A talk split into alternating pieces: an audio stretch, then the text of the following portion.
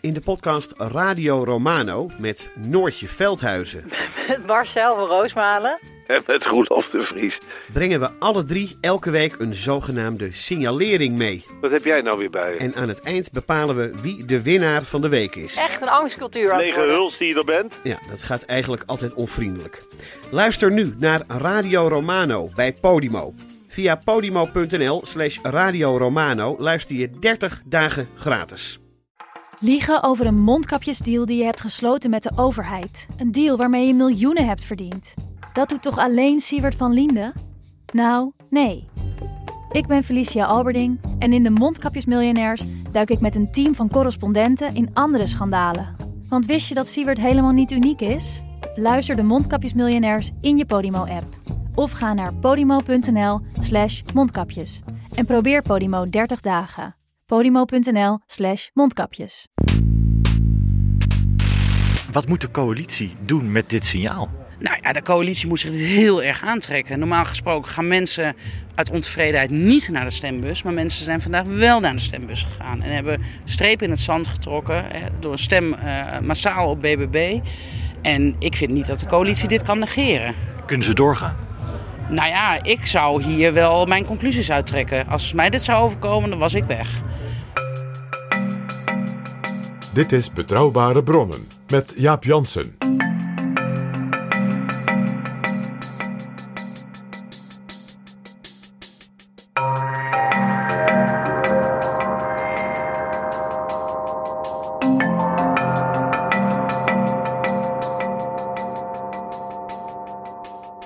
Welkom in Betrouwbare Bronnen, aflevering 334.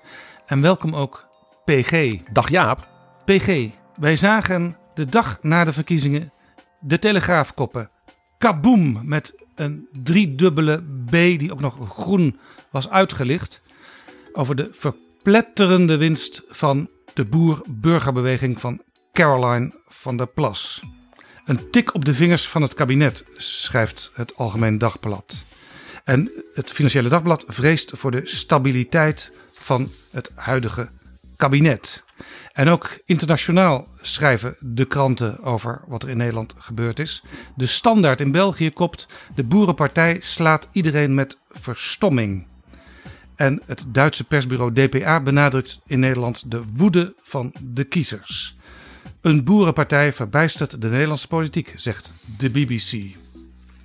Het beeld wat we zien is dat eigenlijk alle partijen, de regeringspartijen voorop, klappen hebben gekregen bij de provinciale statenverkiezingen. En dat er maar drie winnaars zijn. Eén hele grote winnaar, de BBB. En ook nog twee kleintjes, Ja21 en Volt, die voor het eerst op eigen kracht in de Eerste Kamer komen. En de Eerste Kamer is het zelfs nog vermakelijk om te zeggen dat dus Ja 21 feitelijk verliest. Want die heeft meer zetels nu in die Eerste Kamer dan ze op eigen kracht wint. En één groep in het land is extra blij. Dat is Farmers Defence Force. Want Sita van Kijmpema van die club die heeft verordeneerd dat de omgedraaide vlaggen nu weer normaal in rood-wit-blauw mogen worden gehangen om de burgers van Nederland te bedanken. Waarbij deze voorvrouw van FDF een hele interessante analyse maakt. Want die zegt het zou verstandig zijn als er nu nieuwe verkiezingen worden uitgeschreven. Ze moeten zeggen we hebben de boodschap begrepen. Een andere ploeg moet het nu doen. Daar gaan we het over hebben, PG, maar we gaan het vooral ook hebben over wat er nou precies achter al deze eerste beelden zit. En of die eerste beelden wel kloppen. Of dat er niet misschien allerlei interessante, minder zichtbare nuances en achtergronden achter zitten. Dit is Betrouwbare Bronnen. PG, voordat we naar de stembus trokken, en dit keer in de grootste opkomst sinds 30 jaar, was er een onderzoek van de Rabobank. Ja, dat kwam naar buiten op dinsdag 14 maart. Daar was goed over nagedacht, denk ik dan. Door de onderzoekers en door die bank. En die zeiden, eh, er is een heel dominant gevoel in Nederland. Namelijk 9 van de 10 mensen in Nederland zegt, wij vinden niet dat het de goede kant op gaat. En dat is een sentiment, zo meldt de Rabobank, dat sterk negatief is, vooral in Zeeland, Zuid-Limburg, Drenthe, Friesland, Groningen, Zuidoost-Brabant en Flevoland. 9 van de 10 Nederlanders. Dat is dus heel veel. Nou kun je zeggen, ook als je positief en optimistisch bent en vindt dat eh, het kabinet door mag. eh, ja, als je gewoon het land bekijkt, dan kun je redenen hebben om dat sowieso te vinden. Ja, en wat je dus ook ziet is dat dus blijkbaar die breed levende zorggevoel van gaat het wel de goede kant op? Nou, ik denk het eigenlijk niet. En sommigen zijn daar wat heftiger in dan anderen, zo blijkt ook weer uit dat onderzoek. Dat zich dat dus vooral voordoet zeg maar, aan de randen van het land. Wat we ook natuurlijk al langer zien in de verkiezingsuitslagen, eh, zelfs eigenlijk al de laatste 20, 25 jaar. Dus dat is blijkbaar een dieper liggend, langer gevoel. Ja, de randen van het land eh, zie je dat BBB het daar extra goed doet. Soms wel eh, rond de 30 procent. En in al die provincies ook de grootste. Bijna in alle provincies van Nederland zelfs. En wat je ook ziet is toch ook wel een verschil, zelfs binnen die randen van het land, tussen de steden en het platteland. Want je hebt ook in het oosten van het land bijvoorbeeld een aantal steden waar GroenLinks eh, de grootste is. Ja, je ziet dus een heel interessant verschijnsel. Wat ook blijkt uit dat onderzoek van de Rabobank. Dat je dus die, inderdaad die randen van het land, hè, waar het als het ware een dominant ge- geheel is. Maar dat stedelijk Nederland relatief zeg maar, minder negatief is. Ja, En het interessante is dat ze erop wijzen dat zeggen die delen van het land. Waar, zoals dat heet, sprake is van een brede welvaart. Dat de mensen zeggen, nou het gaat ons economisch goed. Maar eh, ook meer in brede maatschappelijke zin gaat het ons best goed. Dat daar delen daarvan niettemin dus heel negatief zijn. En delen daarvan, ze wijzen bijvoorbeeld op de Gooi- en Vechtstreek, de Veluwe, het midden van Brabant, het hele noorden van Noord-Holland. Dat men daar ook daarom minder negatief is. ja. En dus in de steden, waar dus de mensen juist zeggen: Nou, we hebben hier wel echt wel zorg hoor. Het gaat ons misschien wel redelijk goed, maar je kunt eigenlijk geen huis vinden of het is heel erg duur. Dus dan komen die dingen, die sleven in de ste- steden. En niettemin is men dan toch minder negatief. Ja, en wat je denk ik ook ziet is dat ehm, het klimaatbeleid met stikstof als het actuele voorbeeld er ook wel denk ik toe heeft geleid dat behalve de enorme opkomst van BBB ook eh, partijen die het klimaat helemaal voorop zetten in hun lijstje van wat belangrijk is, eh, relatief goed hebben gescoord. Kijk, alle partijen zo'n beetje hebben verloren op Volt na in die hoek. Maar toch, eh, D66 heeft De dieren. verloren. Eh, GroenLinks redelijk stabiel. Partij voor de Dieren Iets omhoog. omhoog, iets omhoog.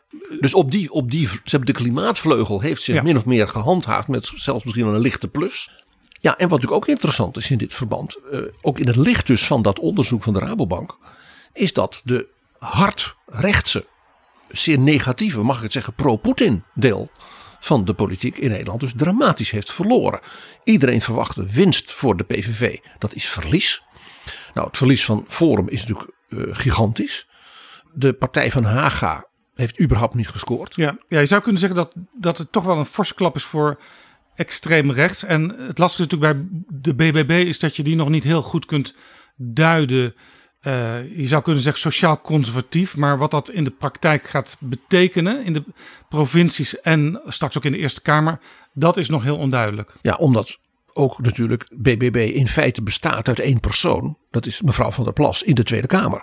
En ja, die heeft de neiging om bij stemmingen zeer eh, ja, afwisselend te stemmen. Soms stemt ze heel hard rechts mee op het punt van asiel. Maar ook op het punt van de oorlog in Oekraïne. En op andere momenten eh, stemt ze bijvoorbeeld bij op hetzelfde onderwerp ineens weer Nou ja. heel, heel, heel, heel linksig mee. Het kan best zijn dat ze in februari nog A zegt, waar ze in maart B zegt op een bepaald onderwerp. Ja, ze was verliefd op Johan Remkes. Ook Laten omdat we ze dat niet vergeten. soms geschrokken is van hoe er wordt gereageerd op haar standpunt. En dat wo- wordt ook lastig als je heel snel groeistuipen hebt als partij. Zij krijgt nu ook meteen commentaar straks van eh, al die leden in Drenthe, al die leden in Overijssel, al die leden in Groningen, noem het allemaal maar op. Die gaan zich natuurlijk ook mee bemoeien wat er in de Tweede Kamer en zeker straks ook in de Eerste Kamer gebeurt. Ja, je gaat dus een heel eh, interessant verschijnsel krijgen. Wat we in feite vier jaar geleden zagen bij Forum. Dat dus het politieke gewicht van die nieuwe beweging zich dus wegbeweegt uit de Tweede Kamer. Want daar zaten toen Hiddema en Baudet. En eh, nou, die waren er ook niet zo heel vaak, om maar zo te zeggen. Eh, en ja, dan is de focus dus op die statenfracties in het land. Die dan moeten gaan proberen bijvoorbeeld ook met verkenners te gaan onderhandelen. En natuurlijk met de Eerste Kamerfractie. Nou, de gevolgen daarvan hebben we gezien. Dus in dat opzicht kan dus ook nog weer zo zijn dat je ziet dat het gewicht politiek wegbeweegt van de Tweede Kamer. En dan is het de vraag hoe mevrouw van der Plas daar in haar eentje ja, mee om kan gaan.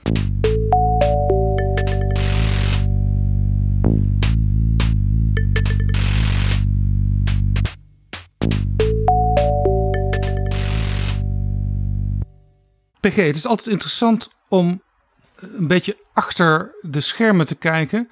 Hoe gaan de kiezers stromen? Laten we eens kijken naar de drie grootste regeringspartijen: VVD, D66 en CDA. Ipsos heeft daar eh, voor de NOS onderzoek naar gedaan. En dat zijn cijfers, Jaap, dat weet jij van mij, die vind ik veel interessanter meestal dan, laat ik zeggen, de, de zetels en de verschuivingen, de plus en de min daarin. Want dat is altijd een einduitkomst. Terwijl kiezers natuurlijk individueel naar de stembus gaan en dat dat tot allerlei bewegingen leidt. Bijvoorbeeld, wat mij opviel, was dat D66 zelfs een aantal procenten verloor aan het CDA. Dat zie je niet in die uitslag als je kijkt naar de Eerste Kamer. Laten we even focussen om te beginnen op de VVD.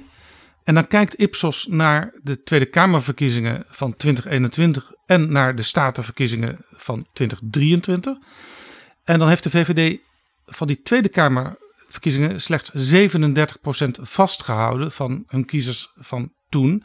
En 29% van hun kiezers van toen heeft niet gestemd. Wat zegt dat? Nou, het eerste wat je ziet is dat de opkomst zeg maar zo'n 15, 20% minder is. Dus die zit al in dat getal van de VVD. Ja. Dat geldt, dus, dat geldt in feite voor alle politieke partijen. Dat daar een aantal thuisblijvers zijn die bij de Tweede Kamer nog wel gingen stemmen. En dat verschilt ook weer per partij. Je zult ook zien dat er partijen zijn die hun mobilisatie, zoals dat heet, van de achterban wat sterker heeft kunnen doen dan andere partijen. Maar je moet er dus vanuit gaan dat zo'n 15, 20 procent moet je sowieso meenemen. Een tweede punt is dat hier vaak uh, geldt of kiezers ja, wat gedemotiveerd zijn om te gaan, dan wel dat ze bijvoorbeeld uh, uh, oud zijn of ziek of overlijden. Ja, als we kijken uh, hoeveel procent van de mensen die op de VVD hebben gestemd bij de Tweede Kamer naar BBB zijn gegaan, dan is dat 11 procent. En daarmee is BBB wel de grote hap uit de VVD-eter. En dat zie je natuurlijk vrijwel bij alle uh, partijen die redelijk wat zetels hadden bij de Tweede Kamerverkiezingen. Je, je zult, als je alle partijen naast elkaar legt, zien dat eigenlijk alle partijen zo'n soort percentage tussen de 10 en 20 procent of iets dergelijks aan BBB kwijtraken. Even los dus van de thuisblijvers. En dat zal duidelijk meer zijn bij een partij als Forum en de PVV en dergelijke, die natuurlijk uh, zwaar verliezen, dan wel dachten te winnen zoals de PVV, maar feitelijk verliezen. Ja. Dus Jaap, je ziet, de VVD heeft dus thuisblijvers, hè, zoals alle andere partijen ook, heeft dus een verlies aan BBB, zoals alle andere partijen, en de rest van het VVD-verlies is eigenlijk een beetje naar iedereen. Een procentje hier, twee procentjes daar. Maar niet heel opvallend bijvoorbeeld een groot verlies aan jaar 21 of iets dergelijks. Als we dan naar D66 kijken. We zagen net bij de VVD dat 37 procent bij de Tweede Kamerverkiezingen nu weer op de VVD stemde. Bij D66 is dat lager, daar is het 28 procent. Dit vind ik zelf een van de meest opmerkelijke cijfers van de avond van de Statenverkiezingen. Want dat is heel erg laag dan zie je dus ook dat dus, dus de, de, de toenmalige winst van waarvan men ook zei, een soort kaageffect. misschien wordt ze wel premier, we willen zo'n vrouw. Dat was ook heel veel winst uit de VVD bijvoorbeeld. Maar ook uit het CDA. Dat dat dus, als het nu bij die statenverkiezingen, zich niet opnieuw voordoet. Nee, 28% van de kiezers van toen heeft nu niet gestemd. Dat is, überhaupt niet. Dat is ook relatief veel. Ja, en dan is het interessant, en dat is ook een verschil met de VVD. Bij D66 kun je duidelijk wat partijen aanwijzen die best wel een flinke hap uit uh, dat Tweede Kamer-electoraat hebben genomen. Uh, GroenLinks, 12% van de kiezers uh, van 2021 gaat naar GroenLinks. Dat is dus 1 op de 8 van de D66-kiezers van twee jaar geleden gaat nu dus naar GroenLinks. Ja, en 9% naar de Partij van de Arbeid. Dus hier kun je echt wel zeggen dat de linkse wolk, zoals Mark Rutte dat gestempeld heeft, best wel een aanslag op D66 heeft gepleegd. Want het is samen meer dan 20 dus ja. 1 op de 5 D66-kiezers. 21 procent. Ja, dus 1 op de 5 D66-kiezers zei dus: ik ga nu naar de wolk van Mark, om het maar zo te zeggen. Naast dus een relatief hoog aantal mensen dat dus thuis bleef. Ja, en dan zie je uh, 4% van de D66-kiezers van 2021 gaat naar Volt, 3% naar de Partij voor de Dieren. Nou dat zijn zeg maar, zou je kunnen zeggen, klimaatkiezers. Maar dan is er nog iets opmerkelijks, PG. Want 6% van de mensen die bij de Tweede Kamer nog op D66 stemden, is naar BBB gegaan. Dat is dus in het licht van de polarisatie, hè, die wel ook wel door sommige partijen werd beklaagd tussen met name deze twee partijen, natuurlijk opmerkelijk. Ja, en dan zie je misschien ook gewoon hoe wispelturig kiezers soms zijn. En dat ze ook een beetje reageren misschien op een bandwagon effect. Het gaat in de peilingen en in de campagne goed met zo'n partij. Waarom zou ik daar deze keer niet op stemmen? Is een keer iets anders. Ja, dat zie je altijd bij verkiezingen waar kiezers sowieso het idee hebben. Ach, het is misschien niet zo belangrijk, dus er blijven ook wat meer kiezers thuis. En dan krijg je dus dit type effect inderdaad.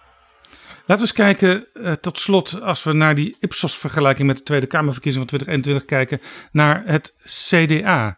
Daar blijkt 35% van de CDA-kiezers uit 2021 nu weer CDA te hebben gestemd. 25% heeft niet gestemd. En dan interessant, 20% van de CDA-kiezers van toen heeft nu voor BBB gekozen. En heel interessant als je naar die cijfers kijkt, is ook heel erg zoals bij de VVD. Dat daar, daar verder is het allemaal 1 of 2 procent. Ja. ja, nou ja, een enkeling.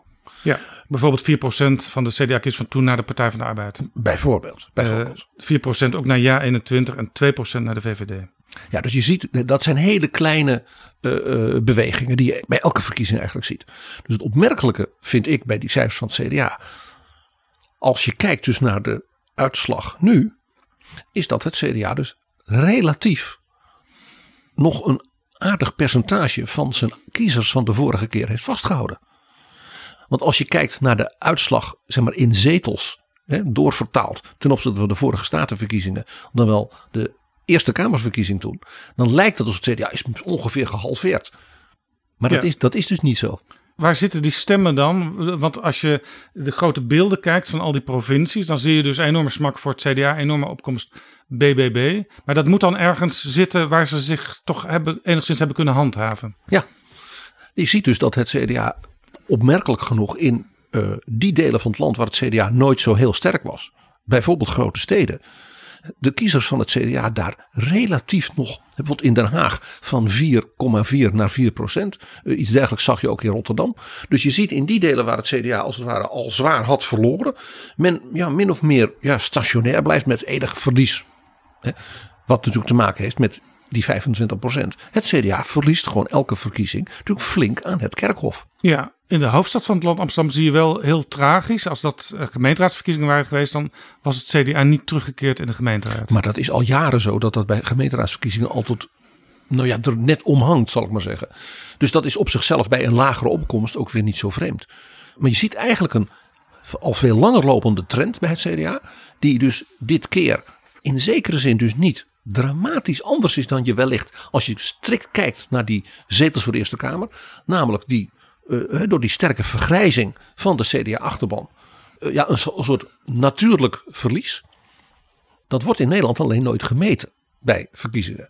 Uh, in Duitsland altijd wel, daarom zijn die Duitse cijfers altijd zo interessant. Dan zie je dus ook bijvoorbeeld een CDU, maar ook de SPD bij elke verkiezing gewoon een miljoen kiezers kwijtraakt. Puur aan het kerkhof. Omdat hij net als in Nederland het CDA, de Partij van de Arbeid heeft het ook wat, een relatief oude achterban heeft.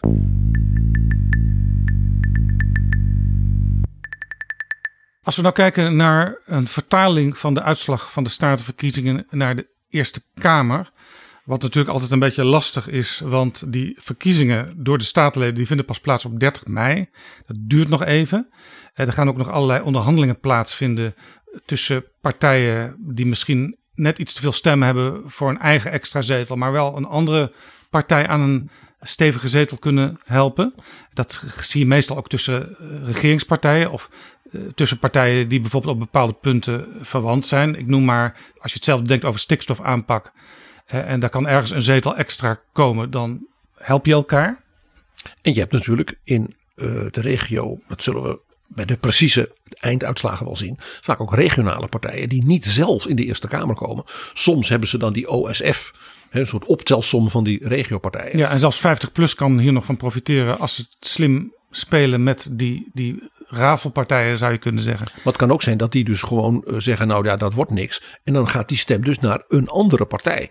En dat kan met één of twee stemmen eh, soms net eh, de restzetel in die Eerste Kamerverkiezing betekenen. Ja. De SGP heeft zo bijvoorbeeld de vorige keer een extra zetel gekregen door één lid van Forum.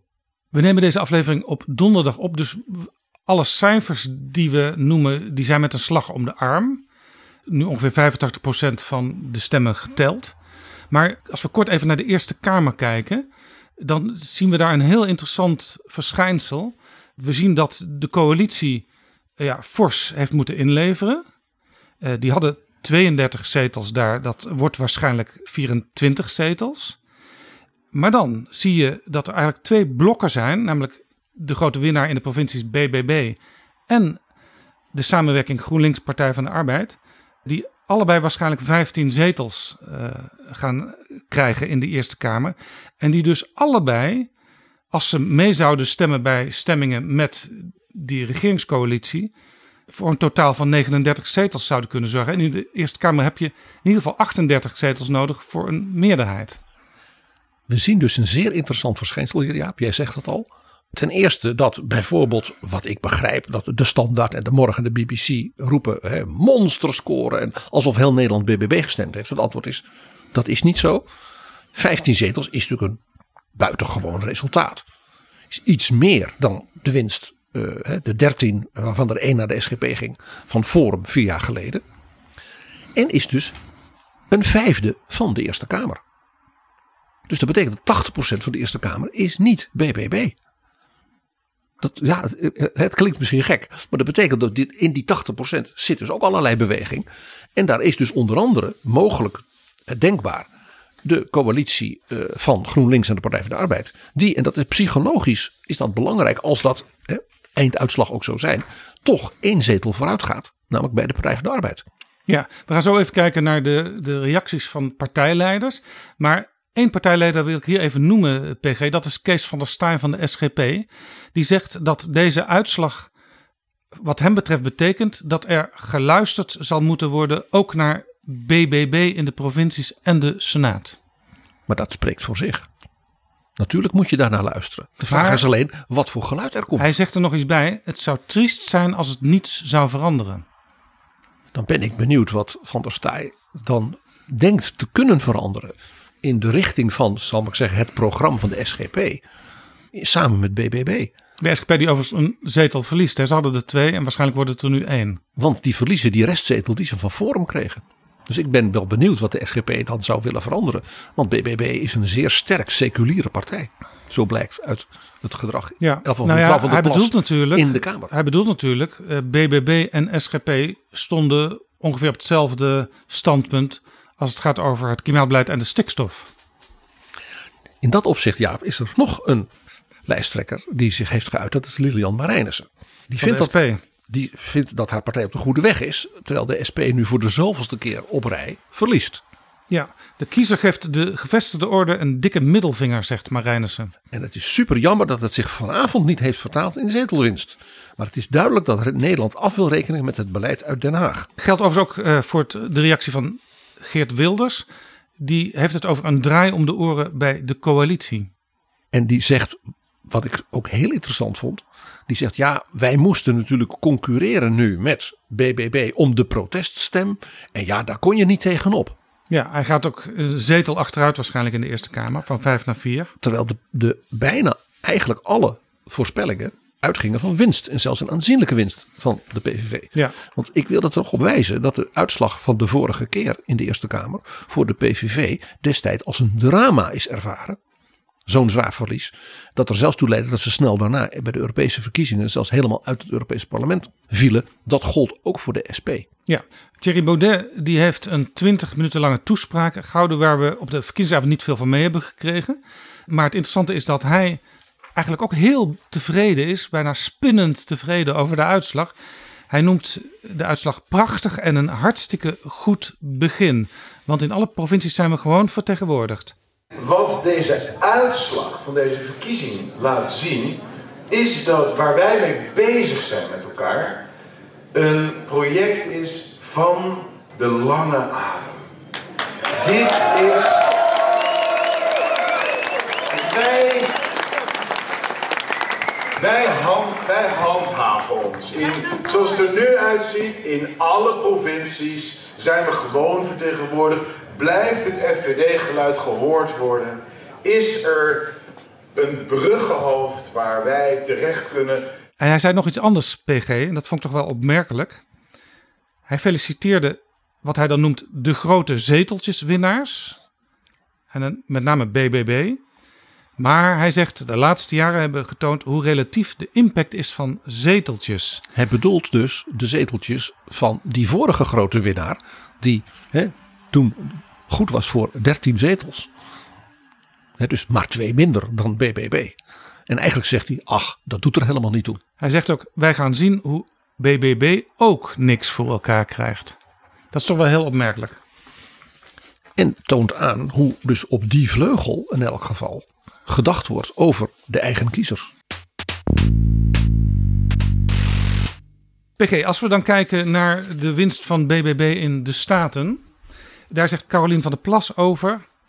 In die Staten gaan we natuurlijk onderhandelen over nieuwe colleges. Nou is het de gewoonte in Nederland tegenwoordig dat de partij die de grootste is geworden in de provincie van de andere partij het voortouw krijgt. Uh, jullie mogen gaan uitnodigen, jullie mo mogen een eerste koers uitzetten. Met andere woorden, jullie mogen aanwijzen hoe we het gaan doen. Waarbij ik dus zeg, dat is uh, niet gering. Want dan zullen ze dus ja, een idee moeten hebben hoe ze dat willen doen. Wat gaat Nederland, wat gaan deze provincies ervan merken? Wordt dat stikstofbeleid bijgestuurd? Nou ja, kijk, dat is wel onze inzet natuurlijk. Dat uh, wat er vanuit Den Haag steeds gedicteerd wordt in een soort van dogma. Want anders gaat de natuur eraan en... Uh, ja, weet je, wij gaan daar gewoon gezond verstand, realistisch beleid. En voorop staat dat die boer gewoon een toekomst heeft en daarmee het platteland een toekomst heeft. Want vergeet niet, dat vergeten heel veel mensen. Mensen op het platteland, die willen die boeren gewoon houden. Die maken zich ook zorgen. En dat, dat wordt gewoon niet gezien. En, maar de, de kiezer heeft nu wel gesproken. Twee keiharde eisen. Wat het kabinet wil met, als het niet anders kan, boeren verplicht uitkopen om de stikstofuitstoot te verminderen. Dat moet keihard van tafel. En ze zegt ook, de deadline die minister Christiane van der Wal nu voorstelt in een nieuw wetsvoorstel, om al per 2030 te komen tot een halvering van de stikstofuitstoot, die deadline, daar moet een dikke streep door. Wij hebben gezegd geen 2030. Hè, dat die stikstofdoelen naar voren worden gehaald, want er staat nu 2035 in de wet. En geen onteigening. Dat is wat wij hebben gezegd. Ja. Geen onteigening van boeren. En dat moet gewoon keihard in een coalitieakkoord komen te staan. Dat die provincie, dat niet gaat, de provincies waar wij uh, natuurlijk in de coalitie willen komen, ja. dat we dat gewoon niet gaan doen. Die boodschap die is uh, glashelder. Ja. Ik wil u uh, danken voor de toelichting zo vroeg op de ochtend. En pak nog wat slaap, zou ik zeggen. En ga daarna genieten vandaag. De hartelijke felicitaties aan u, Caroline van der Plas, de leider van de BBB. Daar ligt dus al meteen een forse eis van Caroline van der Plas vanuit de provincies. En daar ga ik een paar opmerkingen bij maken. Ten eerste doet mij dit heel erg denken aan de tactiek van Baudet vier jaar geleden. Want jij weet nog, die zei als forum, als grote winnaar. Hè, en soms zelfs hier en daar het voortouw, nemend. Een college gaat vormen van gedeputeerde staten met steun van anderen, want daar gaat het om. Dan kan er geen enkele windmolen bij komen. Het effect daarvan was dat dus Forum in geen enkel college vertegenwoordigd werd. Behalve in Brabant, maar daar waren iets van drie colleges in vier jaar. En in Limburg, maar daar was sprake van een soort gedoogcoalitie. waar mensen dan niet direct verbonden waren met partijen. Wat aparte nee, situatie. Sommigen zelfs op, op persoonlijke titel. Op persoonlijke titel, precies. Dus dat maakt uh, de positie van uh, BBB in die onderhandelingen nu al dus eigenlijk ik neem aan onbedoeld, heel lastig als zij het voortouw gaan nemen. Als je dus het voortouw neemt waarbij je van tevoren dat al zegt, dan is het dus denkbaar dat anderen zeggen: ja, wij gaan pas praten als u dat soort dingen van tafel haalt. Want we willen over het geheel kunnen praten. We willen geen dictaat krijgen. Twee, als mevrouw van der Wal een wetsvoorstel door beide kamers krijgt, dan kan natuurlijk een college van gedeputeerde staten zeggen: daar moet een streep door. Maar zo werkt dat niet in een democratie. Dus dat is een misverstand over de rol van zo'n provinciebestuur. Ja, hier is in zekere zin sprake van wat dan wel genoemd wordt aanvullend of complementair bestuur. Uh, er wordt een kader uitgezet uh, nationaal uh, door de regering en het parlement. En de provincies gaan dat dan invullen hoe zij dat het beste denken te kunnen doen. Omdat die dicht, dicht bij de realiteit van zo'n regio met de mensen daar kunnen praten. Maar met dat kader moeten zij dus wel werken. Ja, je hebt een, je hebt een nationaal kader nodig. En als dat bij wet is vastgelegd, ja, dan is dat de wet. Dus dat is een hele interessante positie die BBB inneemt. Want of BBB heeft dit nu zeer bewust gedaan om in feite in geen enkel provinciebestuur te zitten. Een beetje wat je dus bij Forum zag. Of dat BBB zichzelf in een situatie brengt dat men in de ene provincie wel meedoet, de andere provincie niet meedoet, half meedoet. Zodat dan de interne dynamiek in die partij natuurlijk buitengewoon uh, uh, lastig kan gaan ja, worden. Maar PG, als je kijkt naar die provincies waar BBB zo'n 30, soms zelfs 33 procent van de stemmen heeft gekregen. Uh, daar, daar kun je in theorie wel een college vormen zonder BBB. Maar in de praktijk is dat toch heel erg moeilijk. En dat maakt het dus heel lastig om te beginnen voor BBB zelf. Onderschat dat niet. mevrouw Van der Plas zei ook dat ze ja, al met mensen had gepraat die tot hun eigen verbijstering lid waren geworden van provinciale staten. Want daar hadden ze geen seconde op gerekend. Ja. Die mensen zijn nog helemaal in een roes van wat is hier gebeurd. Ja, dat doet een beetje denken aan de uitslag van de eh, LPF in 2002. Toen in Dezen de, de Kamerkandidaten, die toen inmiddels uh, plotseling tot hun verbijstering soms Kamerlid waren geworden. Die kwamen bijeen. En sommigen die, die hielden het niet van emotie en die dachten zelfs van het gaat helemaal mis, dit is te veel. Ja, dat is dus een heel interessant verschijnsel. En in feite is dat ook een beetje wat je natuurlijk vier jaar geleden bij Forum zag. Dus het meest interessante op dit moment, Jaap, en zo hoort dat ook bij statenverkiezingen, is wat er gaat gebeuren in die provincies. Hoe dus die provincies nieuwe colleges gaan krijgen die ook als het ware hun rol snappen. bijvoorbeeld ten aanzien van dat stikstofvraagstuk. Nou, dat die rol dus vooral hem zit in genuanceerde vertaling van wat er mogelijk is en niet minder goed mogelijk is in die regio. En dat betekent dus, uh, ja, dat betekent polderen. Dat betekent met elkaar om de tafel zitten. Dat betekent met de betreffende organisaties en uh, ook weer in die regio, in de gemeenten, met de natuurorganisaties, met de boerenorganisaties praten. En ja, dat is dus, uh, uh, zoals dat heet, uh, hè, zoals Max Weber dan noemt. Boren in hard hout. Ja.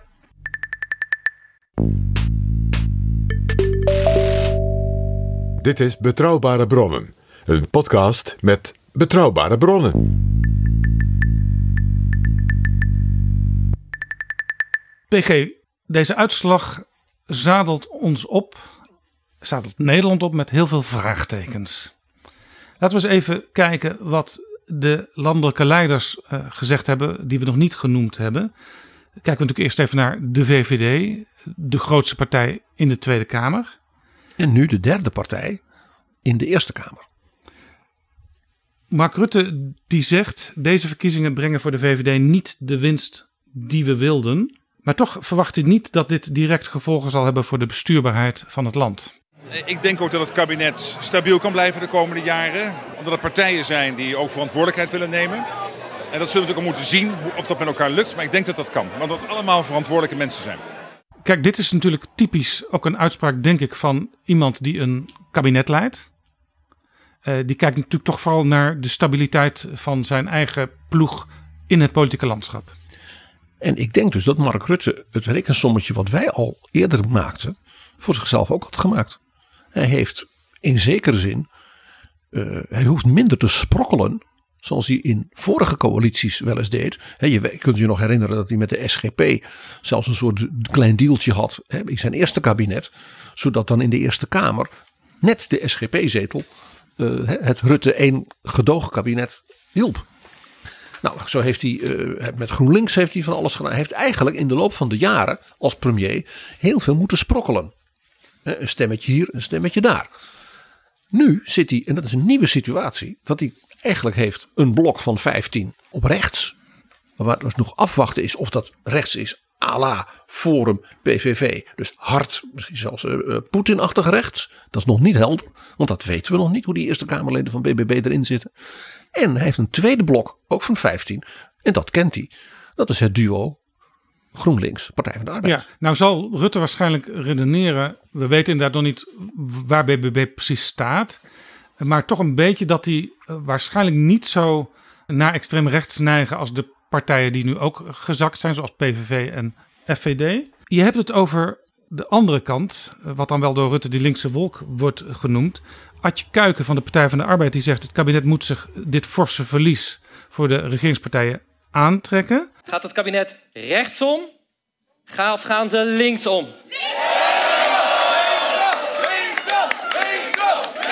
Het lijkt dat we er een zetel bij hebben gevonden. Daar ben ik heel Ze hebben stand gehouden, zou je kunnen zeggen. Maar ze hebben toch in procenten iets verloren samen, Partij van de Arbeid en GroenLinks. Ja, dus ook daar, voor hen zelf, dus voor redenerend, is het natuurlijk ook de moeite waard uh, om te kijken van, nou ja, als wij met z'n tweeën een positie hebben waar wij het kabinet op punten dat het ertoe doet, in één keer aan een reguliere meerderheid kunnen helpen, en dat geldt dus ook voor BBB, ja, dan is het gesprek met zo'n kabinet, met bewindslieden, natuurlijk best interessant. En dat gesprek voer je natuurlijk in de Tweede Kamer. Bij belangrijke wetgeving, en dergelijke. Ja, en over dat gesprek gaan we het zo nog hebben. Ik eh, ga eerst even naar uh, de tweede partij in de Tweede Kamer, dat is D66. Die waarschijnlijk één zetel uh, minder krijgen in de Eerste Kamer, van zeven naar zes. En Sigrid Kaag zegt daarover dat haar partij best tevreden mag zijn dat ondanks alle tegengeluiden toch die zetels in de Eerste Kamer er zijn. We hebben deze campagne, ondanks alle tegenwind, alle tegengeluiden, we hebben deze gevoerd op een manier die bij ons past. Op de inhoud.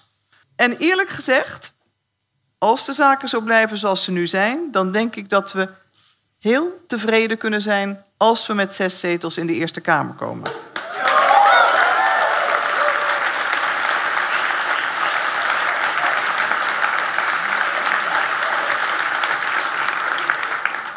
En zegt ze, een beetje à la Gerard Reven, maar niet helemaal goed geciteerd, we gaan moedig door. Dat is natuurlijk altijd mooi om de grote Roomse volksschrijver uh, te citeren. Hier zien we natuurlijk ook de katholiek Sigrid Kaag weer. Wat interessant daarbij is, is dat zij in feite zegt, nou ja, we gaan dus voort met onze grote lijnen qua ideeën.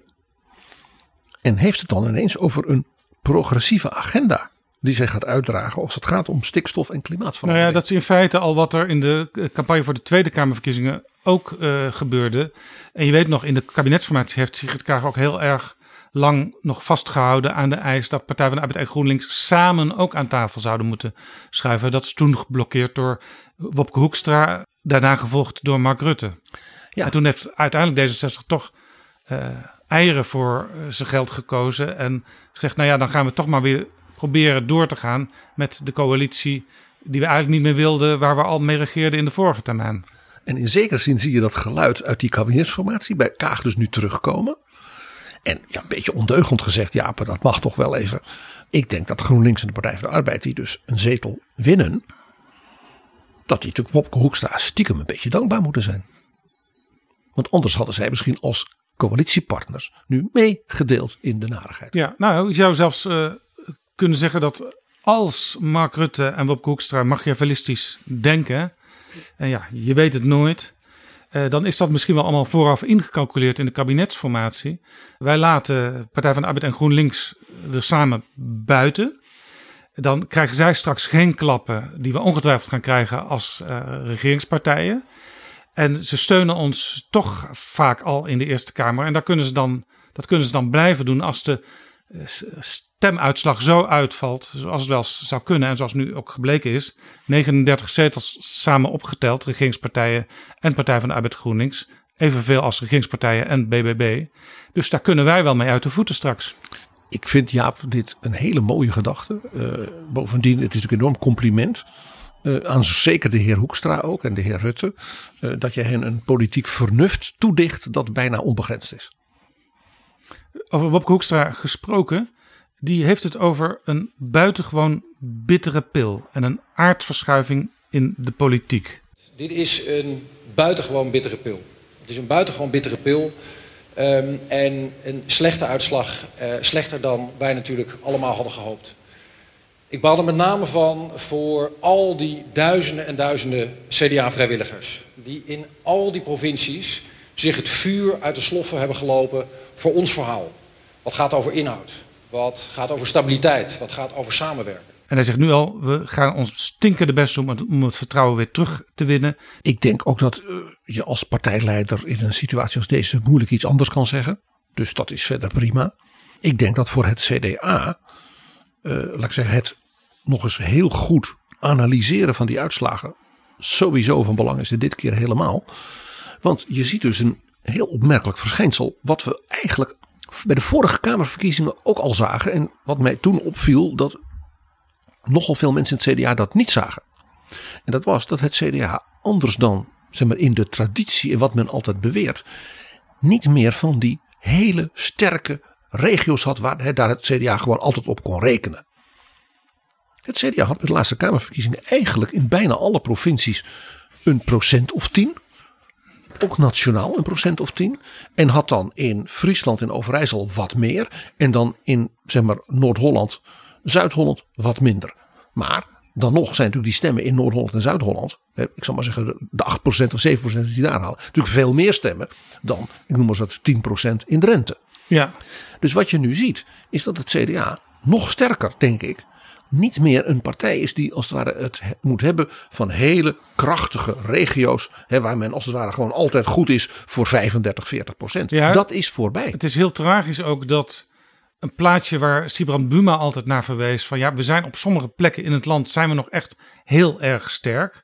Dat is uh, bijvoorbeeld Tubberg. Het daar fameuze Tubberg. Haalde ja. de, daar haalde de CDA in 2019 bij de Statenverkiezingen 42 procent. De CDA-leider van Tubbergen en ik namen elkaars fractie en functie een dagje over.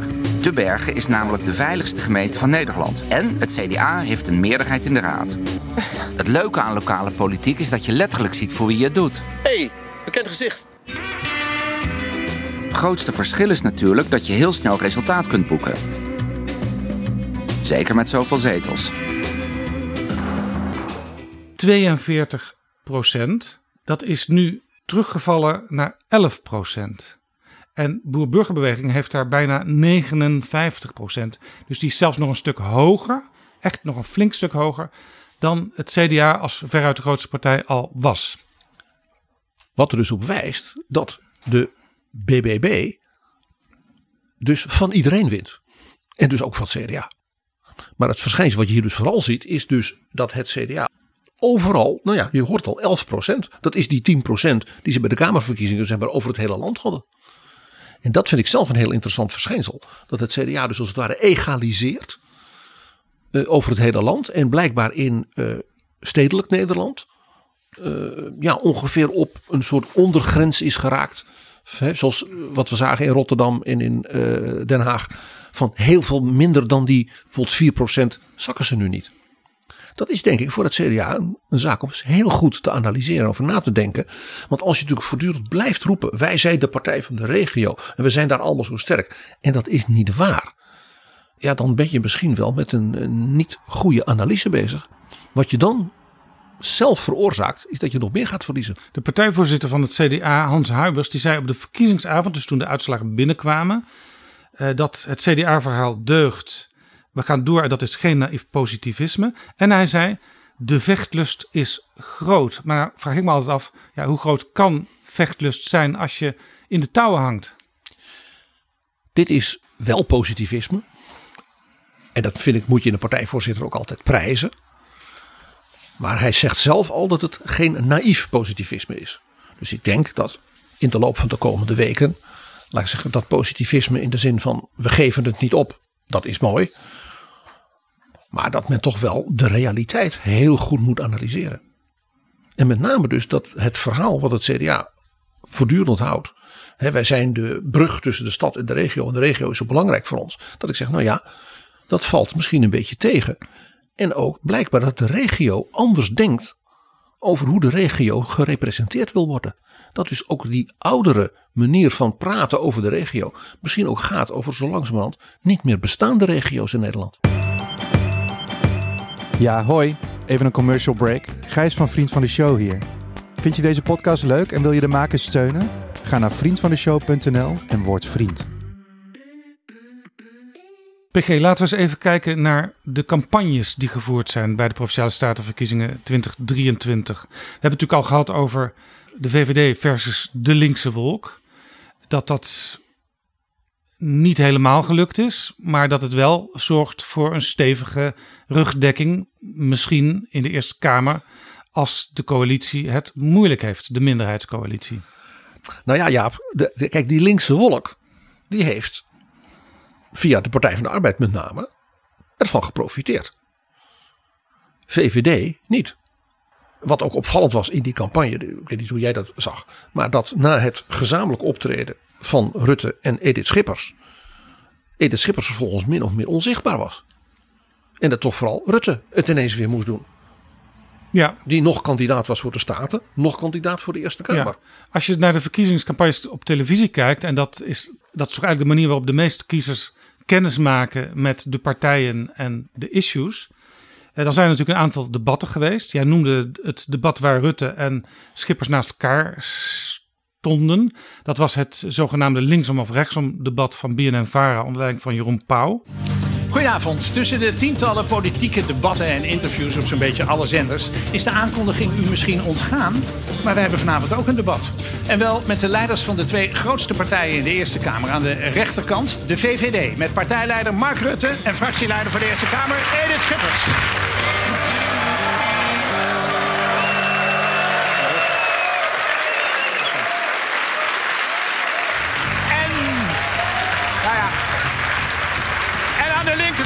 De samenvoeging van GroenLinks en Partij van de Arbeid... met partijleiders Artje Kuiken en Jesse Klaver.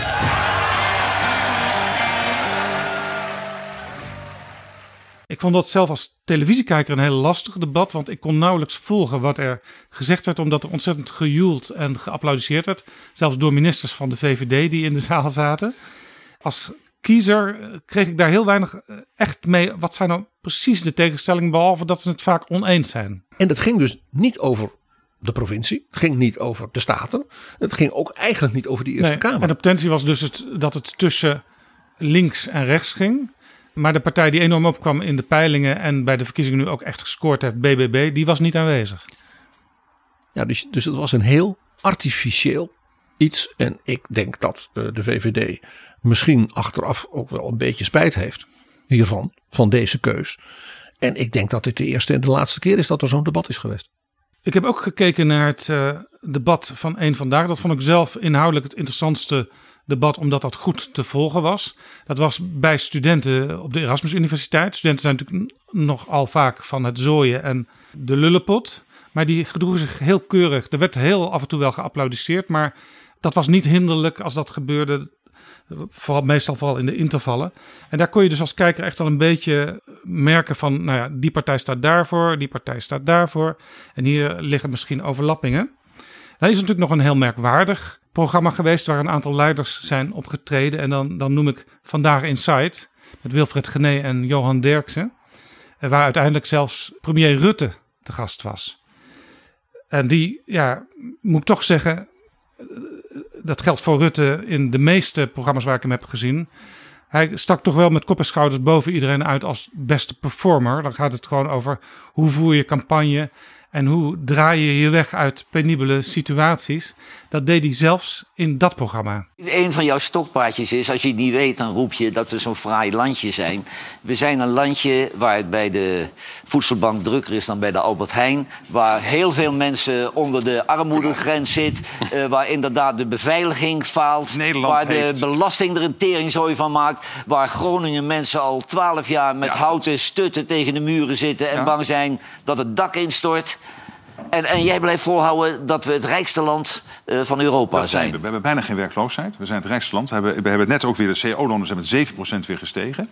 En wat het mooiste is als iemand bijvoorbeeld geen baan heeft en een baan vindt, dat is tien keer beter dan dat je alleen maar uitkeringen verhoogt. Dus het feit dat we die bijna volledige werkgelegenheid hebben, is fantastisch. En dat hebben we wel met z'n allen gedaan. We zijn uit die crisis jo, het omdat wij wel bereid waren om een hele moeilijke maatregelen te nemen. Het is geweldig dit land. Nee, maar neem nou die armoede. Ik vind iedereen bij de voedselbank. Applaus iedereen... voor onze langzittende premier, dames en heren. Ja, ja. echt knap hoor. Ja, Kijk Jaap, het interessante is dat jij in feite in dezelfde val trapt als de campagneleiders. Eh, namelijk dat je doet alsof dit een politiek programma is. Dit is geen verkiezingsprogramma. Dit is entertainment. En de politici die zich daar vrijwillig uh, begeven, die moeten dus weten dat ze gewoon gebruikt worden. En ik heb zelfs, maar ik ben op dat punt natuurlijk van de oude politiek, Jaap, dat ik zeg, daar moet je dus gewoon niet heen gaan. Als je zegt, ik wil de kiezers overtuigen, ik wil iets kunnen vertellen, zodat mensen kunnen nadenken van wat zal ik doen in dat stemhokje, dan moet je dus naar een programma gaan waarin dat als het ware aan de orde is. Ja, in dat programma zitten meestal ook geen politici. Daar zitten wel regelmatig Sam Hagens en Merel Eck eh, van SBS, politieke verslaggevers, die dan vaak ook um, relativeren wat bijvoorbeeld iemand als Johan Derksen daar allemaal zit te beweren, vaak niet gebaseerd op feiten. En dat doen ze met veel moeite, maar ze slagen er wel in, want Wilfred Gené geeft ze die ruimte wel. Maar dat is, dat dus, is dus een... iets anders inderdaad dan een politicus die daar zit. Maar dat is dat ze zeggen, we hebben een duider die ook nog eens even een, een beetje tegenvuur mag geven. En dat is dus entertaining. Dat is iets anders dat je als politicus in zo'n programma je begeeft vanuit de gedachte, nu ga ik een aantal inhoudelijke punten agenderen. Want dat is vooral niet de bedoeling. Ja. En dan zeg ik, dat is niet je rol. Daar mag je naartoe gaan als je bij wijze van de politiek weer uit bent. Of als men zegt van we willen het een keer met jou hebben over je favoriete voetbalclub. Want je bent een groot fan van Feyenoord. Hartstikke leuk. Maar ga niet in de aanloop naar verkiezingen doen alsof je daar een politieke boodschap kunt verkondigen. Ja. De, de, drie politici die ik daar heb gezien, uh, behalve Rutte, was dat Hugo de Jonge van het CDA, de minister van Volkshuisvesting, en Caroline van der Plas van BBB. Ja, die kunnen alle drie wel enigszins omgaan met zeg maar, dat volk ze uit de heup schieten. Uh, maar het bleef toch een raar gezicht. Laten we dat concluderen. En er is geen huis extra do doorgebouwd door Hugo de Jonge. Want dat was niet waarom hij daar zat. Dan vielen nog een aantal dingen op in die campagne. Allerlei soorten onderwerpen die liepen door elkaar heen. Bijvoorbeeld de VVD, Edith Schippers, die had het voortdurend over belastingverlaging.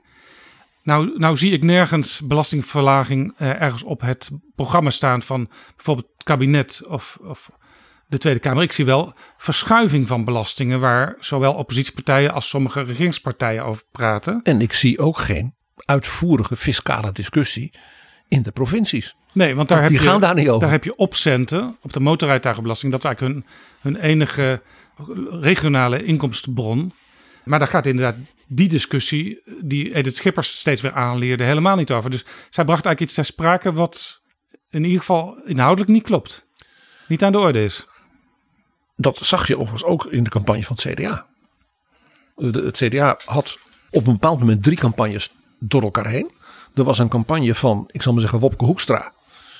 Die bepaalde nationale thema's en bijvoorbeeld met enige regelmaat over migratie begon.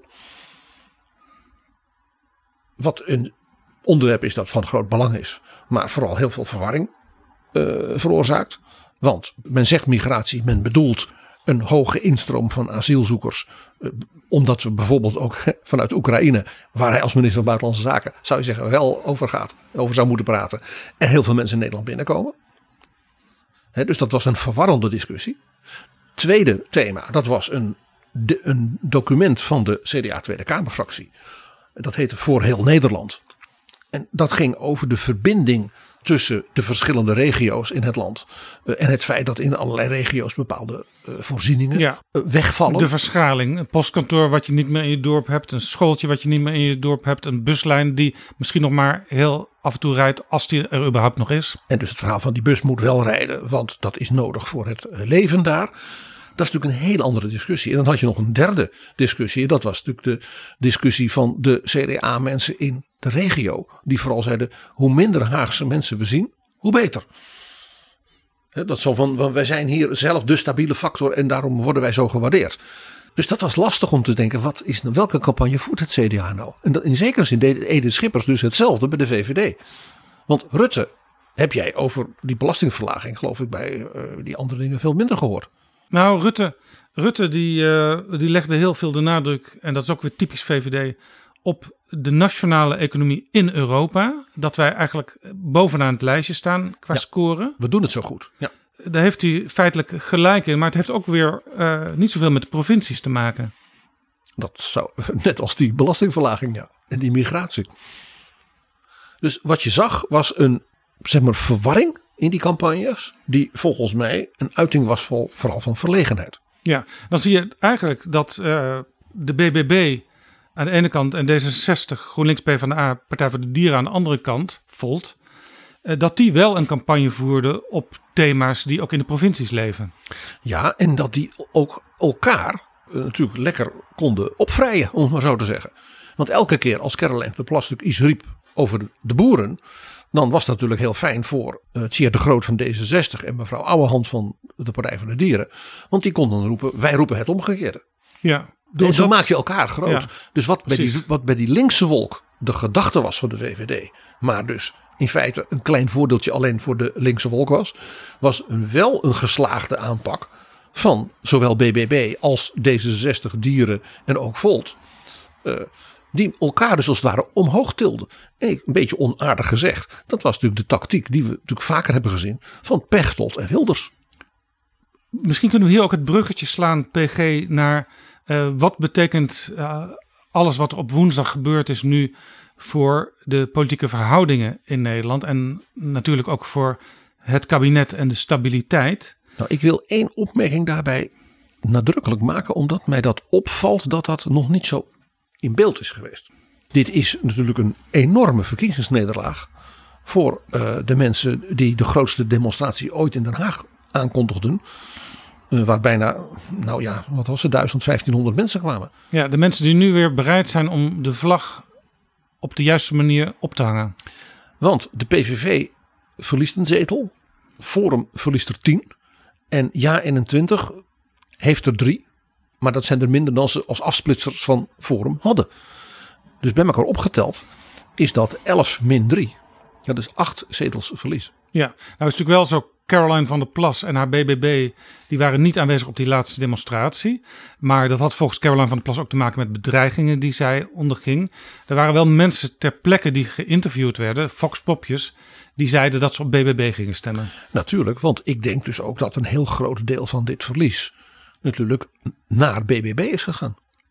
En het is de vraag of dus die BBB-sedatoren die daar straks gaan, of die vanuit die gedachte eenzelfde lijn gaan voeren. Of dat ze toch zeggen, hé, wij zijn een wat andersoortige partij. Misschien wel populistisch en wat aan de rechterzijde, maar niet, ik zal maar wat ik maar noem, pro-Poetin populisme. Dat wordt dus heel interessant. Even een kleinere reactie tussendoor op het landelijke beeld van de staatssecretaris voor asiel en migratie. Je had het net al over dat onderwerp. Erik van der Burg zegt het is logisch als boer-burgerbeweging, VVD en CDA samen gaan besturen in een flink aantal uh, provincies. Uh, maar hem is ook gevraagd, wat betekent dat nou eigenlijk voor uw beleid? Want u hebt die spreidingswet, die door rechtse, aantal rechtspartijen als een dwangwet wordt uh, gezien. Zegt hij nou, dat zal geen problemen geven in die provincies waar we, wat mij betreft, met BBB moeten gaan praten. Want dit speelt vooral in Zuid-Holland en Noord-Holland. Daar moet het meest gebeuren, niet bijvoorbeeld in Groningen. Nou, ik zou bijna zeggen tegen Erik van den Burg, ik help je hopen. Maar dit is dus inderdaad op zichzelf natuurlijk een voorbeeld van hoe dus in die provincies de partij die als het ware de lead moet gaan nemen bij die onderhandelingen, dus onmiddellijk voor een dilemma komt te staan. Wat je al zag bij uh, van één ding gebeurt er niet. Het woord onteigenen van boeren en dergelijke komt niet in het programma. Ja. Maar dan PG het klimaat-stikstofbeleid. Bob Koekersdaar zegt, uh, we gaan door, uh, we moeten proberen lessen te trekken, maar we willen ook samenwerken, ook in het kabinet. Dus er is geen enorme aandrang om nu ineens de kabinetsdeelname ter discussie te gaan stellen. Aan de andere kant zie je dat Sigrid Kaag nog redelijk tevreden is met de uitslag. En, uh, Wat dus opmerkelijk is als je dus naar die cijfers kijkt. Nou ja, maar zij ziet dus wel dat zeg maar, de, de andere klimaatpartijen het redelijk goed gedaan hebben. Sterker nog, Partij voor de Dieren, Volt zijn gegroeid. Partij van de Arbeid GroenLinks stabiel. En dat kan toch invloed hebben op de discussie ook in de Trevenzaal? Natuurlijk, want men zal bij het vormgeven van beleid eerst naar de Tweede Kamer moeten. En ja, dan, uh, dat hebben we natuurlijk in het kabinet Rutte 2 bijvoorbeeld ook gezien. Het kabinet Rutte 2 had een meerderheid in de Tweede Kamer. Die overigens door het weglopen van een aantal mensen, wat later denk werd, een hele dunne meerderheid werd. Maar had geen meerderheid in de, in de Eerste Kamer. Dus het kabinet Rutte 2, dat is bijna iedereen vergeten, heeft vier jaar lang dit type overleg en dit type gesprek gehad. Dat men in feite in de Tweede Kamer al moest proberen ja, meerderheden te vormen ten behoeve van de Eerste Kamer. En dat zal dus nu opnieuw gaan gebeuren. Maar als je dan specifiek naar dit klimaat-stikstofbeleid kijkt, dan ontkomt het kabinet niet aan samenwerken met partijen als PvdA GroenLinks. Of met alleen mevrouw Van der Plas in de Tweede Kamer. Waarbij dus de vraag is of zij in staat is in haar eentje die 15 mensen in de Eerste Kamer als het ware te binden aan een uitkomst van wat zij bijvoorbeeld dan met Rutte in een achterkamertje zou regelen. Maar PG, dit is eigenlijk een doodlopende weg, want we weten al dat Van der Plas twee eisen op tafel heeft gelegd voor de provincieonderhandelingen.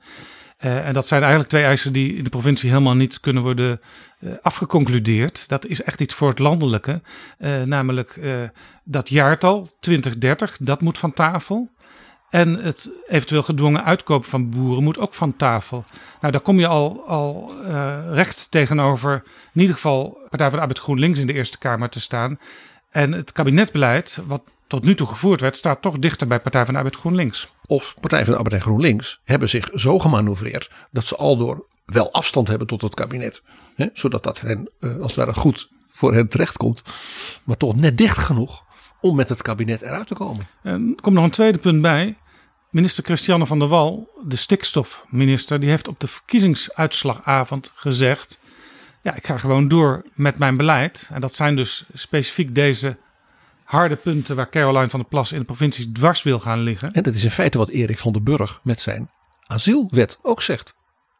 Dus je ziet hier dat de VVD, die waarschijnlijk, kan ik me voorstellen, in de politieke praktijk van de komende jaren af en toe best wel eens zal gaan kijken naar BBB. Kunnen we op punten samenwerken? Want ja, die Partij van de Arbeid en GroenLinks moeten ook nu weer niet te hoog in een bol krijgen dat, ze, dat we altijd van ze afhankelijk zijn.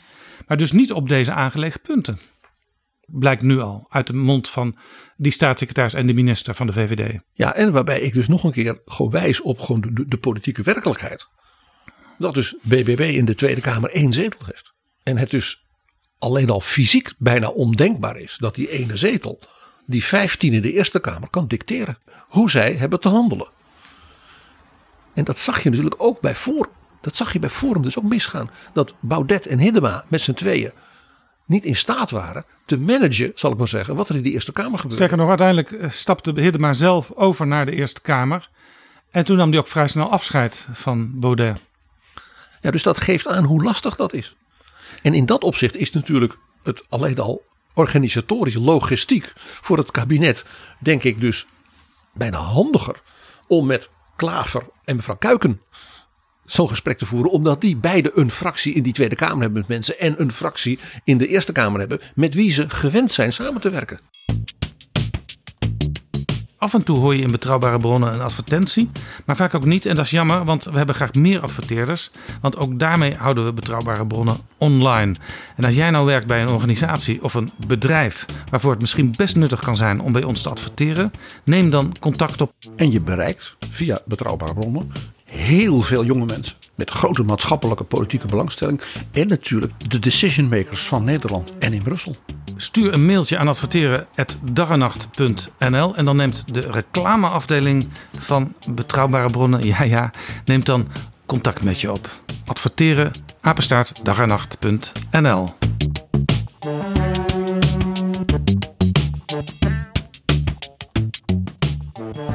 PG, hier in de studio van Betrouwbare Bronnen heb ik een microscoop staan. En daar kijk ik even in. Want dan zie ik een klein scheurtje binnen de VVD in het kabinet optreden. Uh, er is een paar dagen geleden, een paar dagen, er is een paar dagen voor de verkiezingen een debat geweest waar Mickey Adriaansens was. En zij reageerde op een Kamerbrief die minister Rob Jette van uh, Economie en Klimaat aan de Kamer heeft gestuurd. En dat is haar collega op hetzelfde ministerie. Over een fors aantal aanvullende milieumaatregelen die moeten worden genomen om bij te benen op klimaatterrein. Dat zijn allemaal dingen die nog niet zijn vastgesteld door het kabinet, maar het is een soort inventarisatie van ambtenaren. Maar tegenwoordig krijgt de Kamer dat soort brieven altijd meteen. En zij zegt, dus de minister inderdaad op hetzelfde ministerie, maar dan van de VVD. Ik ben er nog niet van overtuigd dat die extra klimaatmaatregelen genomen moeten worden. Daar moeten we in het kabinet het nog eens goed over hebben. Dit doet mij aan iets denken, PG. Ik uh, denk dat ik uh, uh, in de geschiedenis duikend wel weet aan wie jij denkt. Jij denkt aan Joris Voorhoeven. Nou ja, inderdaad. Want dan komen we een beetje ook bij het historisch perspectief... waar we misschien tot slot nog even over moeten hebben. Wat gebeurt er soms na opmerkelijke en pijnlijke verkiezingsuitslagen voor regeringspartijen? Ja, dan gaat er toch een soort crisissfeer ontstaan. En dat zie je soms nog niet op de, de dag en de dagen na de verkiezingen, maar wel korte tijd later. In het kabinet Lubbers 2, daar zaten natuurlijk het CDA en de VVD samen voor de tweede keer. Daar kwam op een gegeven moment toch ook een soort tegenstelling tussen eh, een aantal ministers van de VVD onder leiding van de enthousiaste milieuminister toen, Ed Nijpels. Die allerlei plannen aan het maken was die enigszins vergelijkbaar zijn met plannen die nu gemaakt worden. Ook toen wist men al dat er toch soms drastische maatregelen moesten worden genomen. Inclusief die ten aanzien van het mestbeleid in die tijd? Uh, Nijpels die werd gesteund door andere ministers zoals Nelly Kroes. Maar een aantal ministers van de VVD die hadden zo hun bedenkingen. En de Tweede Kamerfractie uiteindelijk ook onder leiding van Joris Voorhoeven. En daar is het kabinet toen ook op gevallen. Op een detail daarin, in zo'n lijst van maatregelen, zoals als het ware nu door Jetten uh, is verzameld. Namelijk het detail van een dus het zou best wel eens kunnen dat een voor uh, het publiek nog vrij onbekende minister van de VVD als Mickey Adriaansens uh, de val inluidt langzaam van dit kabinet. Dus dat er op het ministerie van EZK een, een verschil gaat ontstaan dat voor het kabinet dan misschien niet meer te handhaven zou zijn. Dat is opmerkelijk, ja. Ja, ik hou nog heel veel slagen om de arm. En het is Dat ook maar een ik. historische vergelijking die misschien uiteindelijk nergens op blijkt te slaan. Maar ik noteer het even. Nou, ik wil nog wel heel even in onze parlementaire geschiedenis op een paar kleine momenten wijzen. Het verhaal dat eh, statenverkiezingen ware vaak leiden tot groot rumoer en gedoe in een kabinet, dat is niet waar. Over het algemeen worden statenverkiezingen soepel opgevangen, ongeacht eh, de problematiek. Maar er is één statenverkiezing. Ja, en die heeft toch wel een eh, analogie met de huidige. Dat was die van 1966. Want toen won Boer Koekoek. Ja. Heel fors.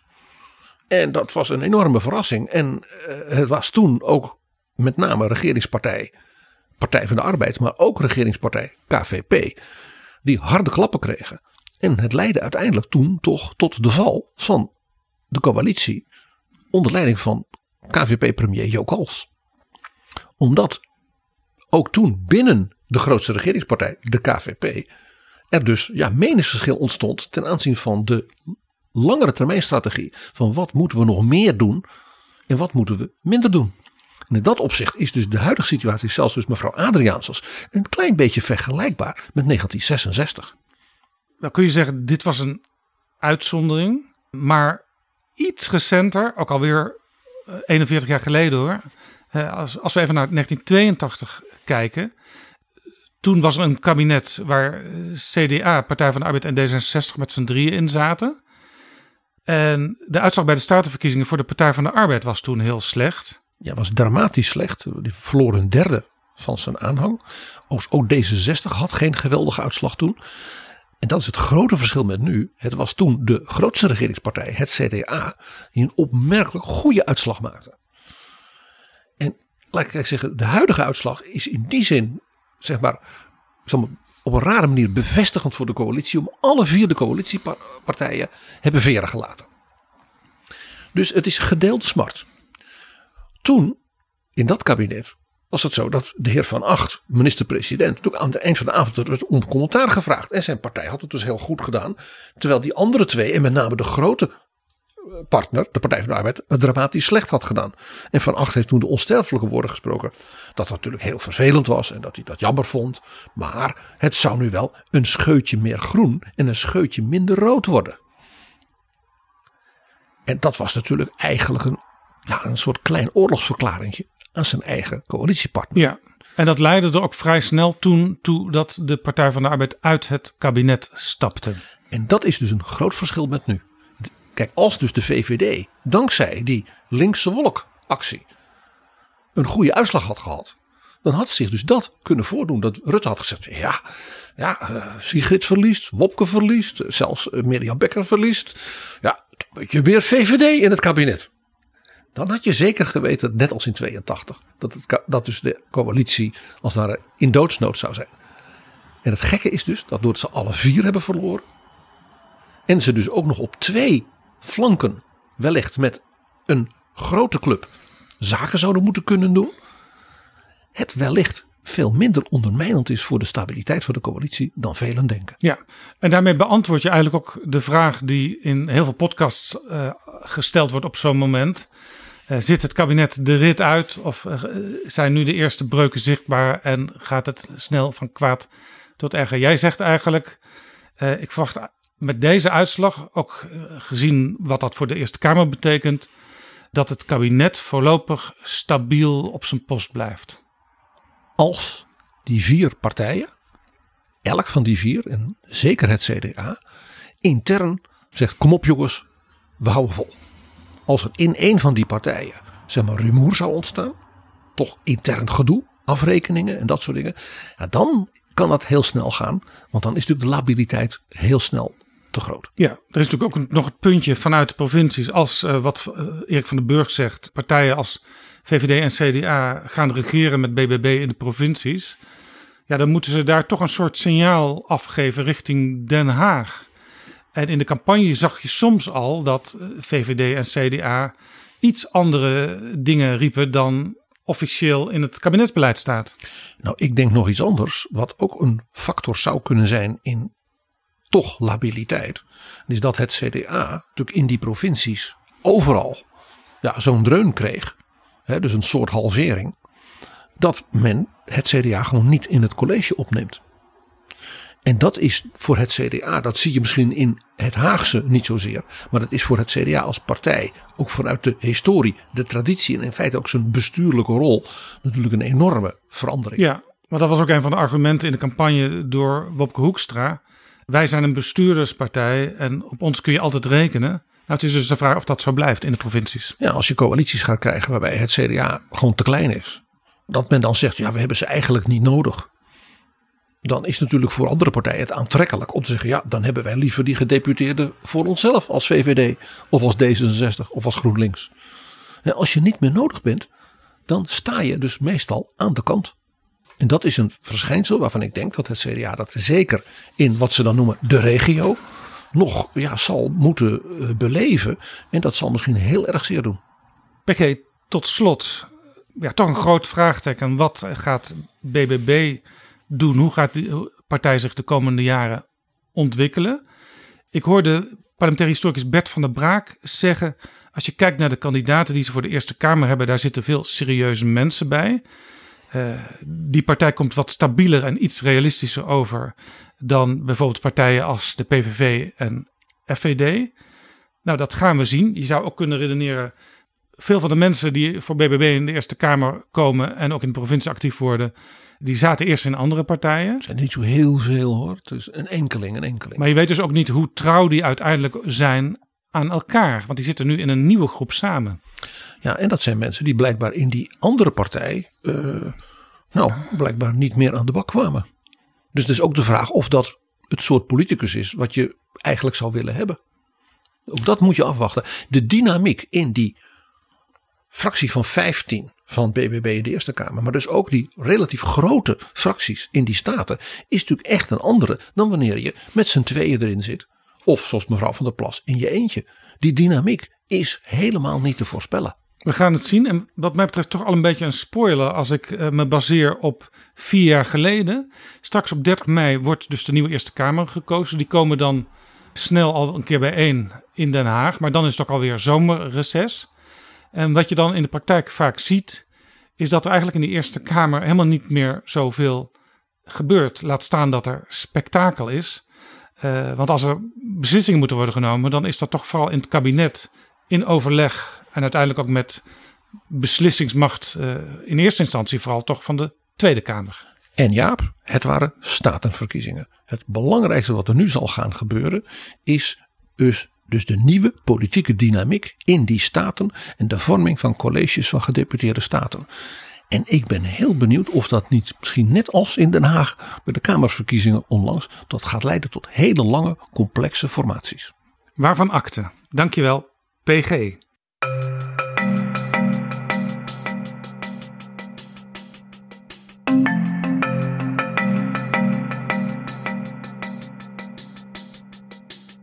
Zo, dit was Betrouwbare Bronnen aflevering 334. Deze aflevering is mede mogelijk gemaakt door de vrienden van de show. Mensen die met een donatie nog veel meer, naar wij hopen, interessante afleveringen van Betrouwbare Bronnen mogelijk maken. Wil jij ook vriend van de show worden en ons dus helpen? Ga dan naar vriendvandeshow.nl/slash bb. U bent zeer welkom. Wij zijn blij met uw vriendschap. Tot volgende keer. Betrouwbare bronnen wordt gemaakt door Jaap Jansen in samenwerking met dag en nacht.nl.